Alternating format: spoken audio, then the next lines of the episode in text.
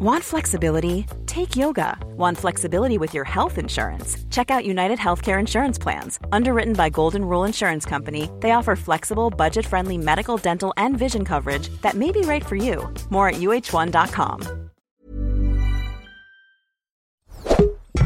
Tony Media. Het is oorlog in Europa. Gaan we allemaal dood in een kernoorlog? Nee, ik denk het niet. Gaat deze oorlog de wereld veranderen? Dat weet ik zeker. In samenwerking met Dagblad Trouw probeer ik met deze podcast grip te krijgen op de oorlog. Elke dag houd ik je op de hoogte van de situatie in Oekraïne en Rusland. Voor alle luisteraars die Ramadan hebben gevolgd, gevolgd, ja, gedaan. Ik hoop dat jullie gisteren een gezellig suikerfeest hadden. Even een fun fact. Ook was fijn tijdens deze oorlog. Ik heb ooit een reportage gemaakt over moslims in Moermansk, een stad boven de Poolcirkel. Ik bezocht daar de noordelijkste moskee ter wereld. En ik vroeg de imam hoe het nou zat als Ramadan in de poolzomer valt. Wat over een jaar of vijf uur gaat gebeuren. En de zon dus niet ondergaat en je dus technisch gesproken nooit wat kan eten. Nou, hij vertelde dat het dus tot grote problemen leidde in de jaren 30 vorige eeuw. Toen de eerste moslims in Moermansk kwamen wonen. Het waren Tajiken die aan de spoorlijn kwamen werken. Volgens de imam is er zelfs eentje overleden aan honger. Um, en vanaf dat moment volgen moslims in Moermansk dezelfde tijden als in Mekka. Nou, vond ik in ieder geval wel een goed feitje. Voor we verder gaan, eerst nog even dit. En dit gebeurde er op dag 68 van de oorlog. Opnieuw hevige gevechten aan het front in de Donbass. De Russen proberen Oekraïns gebied in te nemen, dat ze de afgelopen weken al met artillerie hebben bestookt, maar verder geen noemenswaardige veroveringen door de Russen. Andersom hebben de Oekraïners vier dorpen in de buurt van Kharkiv heroverd op de Russen.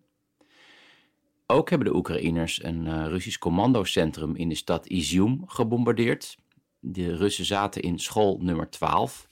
De scholen zijn in Rusland nogal fantasieloos genummerd. Daar kwamen meer dan 200 Russische manschappen om het leven, waaronder in ieder geval één generaal, Andrei Simonov, hij staat aan het hoofd van de cyberactiviteiten van het Russische leger. En hij is de elfde generaal die dood is gegaan in deze oorlog aan de Russische kant. En dat is een absurd aantal. Het zegt ook veel over de chaos aan de Russische zijde. Ook generaal Gerasimov was die dag aanwezig in school nummer 12. Gerasimov, ja, dat is een van de hoogste militairen van Rusland. Hij leidt samen met Poetin en de minister van Defensie de oorlog tegen Oekraïne. Hij hoort eigenlijk gewoon op het Kremlin te zitten. Ehm, er zijn conflicterende berichten over het lot van Gerasimov. Volgens de New York Times was hij alweer vertrokken toen de bom viel. Maar volgens Oekraïense bronnen is Gerasimov gewond geraakt en afgevoerd naar het ziekenhuis in Belgorod aan de Russische kant. Hij zou granaatscherven in zijn been of zijn voet hebben. Russen hebben één en hetzelfde woord voor het hele deel van het lichaam onder de knie. Uh, net zoals één enkel woord hebben voor een arm onder de elleboog. Uh, dus ze hebben geen apart woord voor een hand. Aparte woorden voor hand en voet zijn er wel, maar die worden niet veel gebruikt. Kennelijk zijn een hand en een voet niet bijzonder genoeg om als apart onderdeel te worden gezien. Sowieso vreemd dat Gerasimov naar zo'n gevaarlijke plek is afgereisd. Dat zou eigenlijk de rol van Alexander Dvornikov zijn, de nieuwe bevelhebber. Uh, het is duidelijk dat uh, de Russische militaire leiding niet tevreden is over het verloop van de oorlog tot nu toe. Verder hebben Oekraïners opnieuw doelen over de grens met Rusland bestookt. De gouverneur van de stad Belgorod aan de Russische kant meldde vannacht twee zware explosies. Eerder dit weekend brak ook al brand uit in een militaire installatie. Ook in Belgorod, oorzaak is nog onbekend. En zondagochtend stortte er een spoorbrug in, in de regio Koersk. Volgens de Russische autoriteiten komt dat door uh, Oekraïnse sabotageactiviteiten. De spoorlijn is belangrijk voor Rusland voor het transport van militair materieel naar Oekraïne. Goed, gaan we nu door naar de Russische media. Ja, op dag 56 vertelde ik over de oligarch Alek Tinkov die rijk was geworden met een bank en een bierbrouwerij. Hij had zich op Instagram fel uitgesproken tegen de invasie in Oekraïne. En ik vroeg me toen af wat de reactie van het Kremlin zou zijn. Nou, de bank had al bekendgemaakt dat het uh, zijn naam zou veranderen. Het heet nu nog de Tinkoff Bank. En nu is Tinkoff gedwongen om het aandeel in zijn bank te verkopen. Hij had nog 35% van de bank in handen.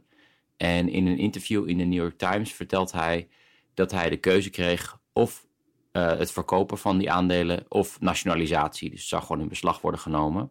Hij kon ook verder niet onderhandelen over de prijs. Naar eigen zeggen kreeg hij maar 3% van de werkelijke waarde.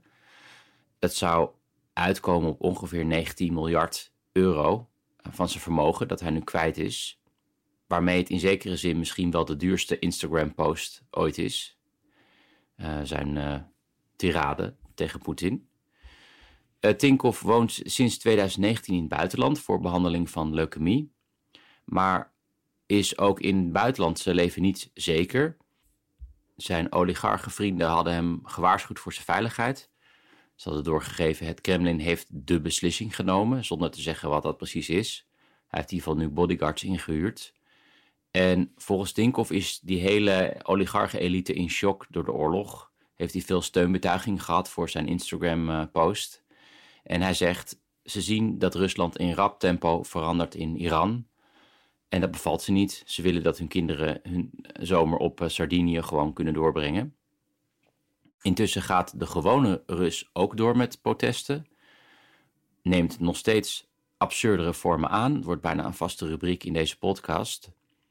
Uh, zo is er dit weekend een oude man opgepakt met een bord waarop stond: Ik sta achter de acties van Poetin. Kennelijk had de agent niet de, uh, de moeite genomen om het bord te lezen. En dit weekend zijn ook mensen opgepakt die hun handen in de lucht hielden alsof ze een bord vasthielden.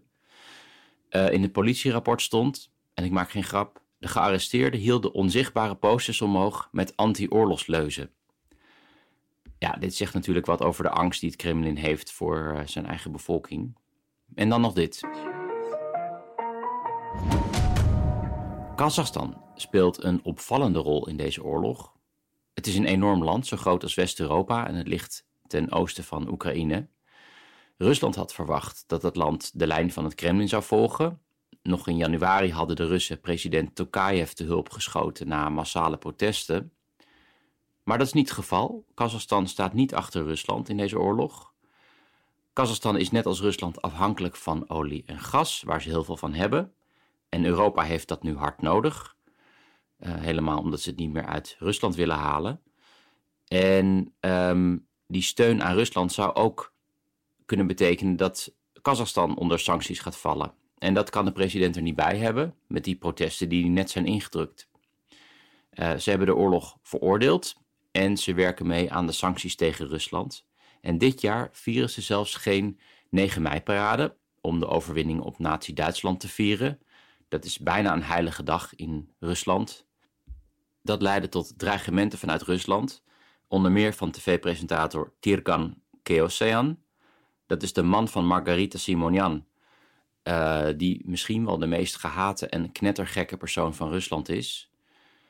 Door de Russen die niet zijn gehersenspoeld, althans.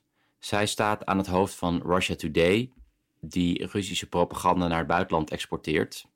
Nu met wat minder succes, want ze zijn in het buitenland uh, grotendeels geblokkeerd.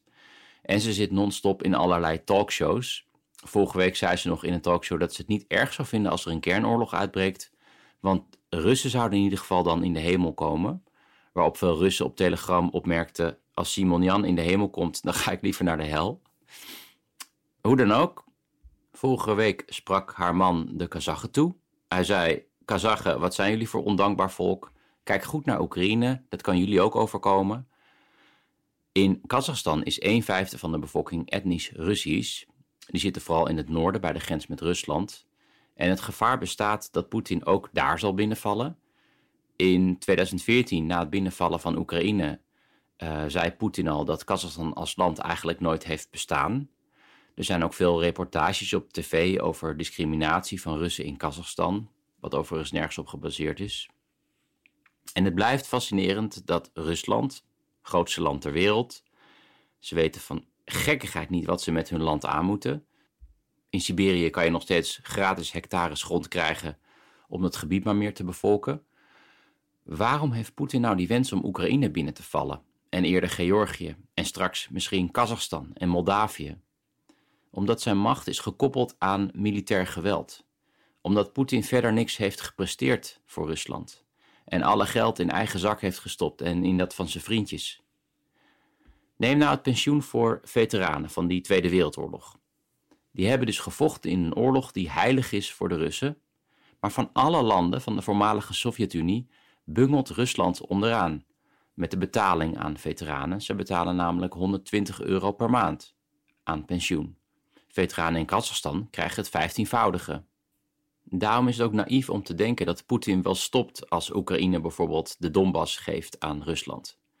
Want Poetin stopte niet na 2008 toen hij een stuk van Georgië bezette. Hij stopte niet na 2014 toen hij de Krim annexeerde. Poetin valt niet te appeasen. Hij zal nooit stoppen met oorlog voeren, want het is het enige wat hij kan. Daarom is het ook belangrijk om Oekraïne te steunen in die strijd tegen Rusland. Uiteindelijk is dat ook in ons belang, want ergens moet Poetin uiteindelijk worden teruggedreven. Met deze uh, gezellige boodschap eindig ik. Ik wil jullie nog herinneren aan mijn theatercolleges. Deze week sta ik woensdag in de Schouwburg in Gouda en zaterdag in de Tamboer in Hogeveen. Ik ben er weer morgen. Tot dan. Dit was een productie van Tony Media en Dagblad Trouw. Voor meer verdieping ga naar trouw.nl.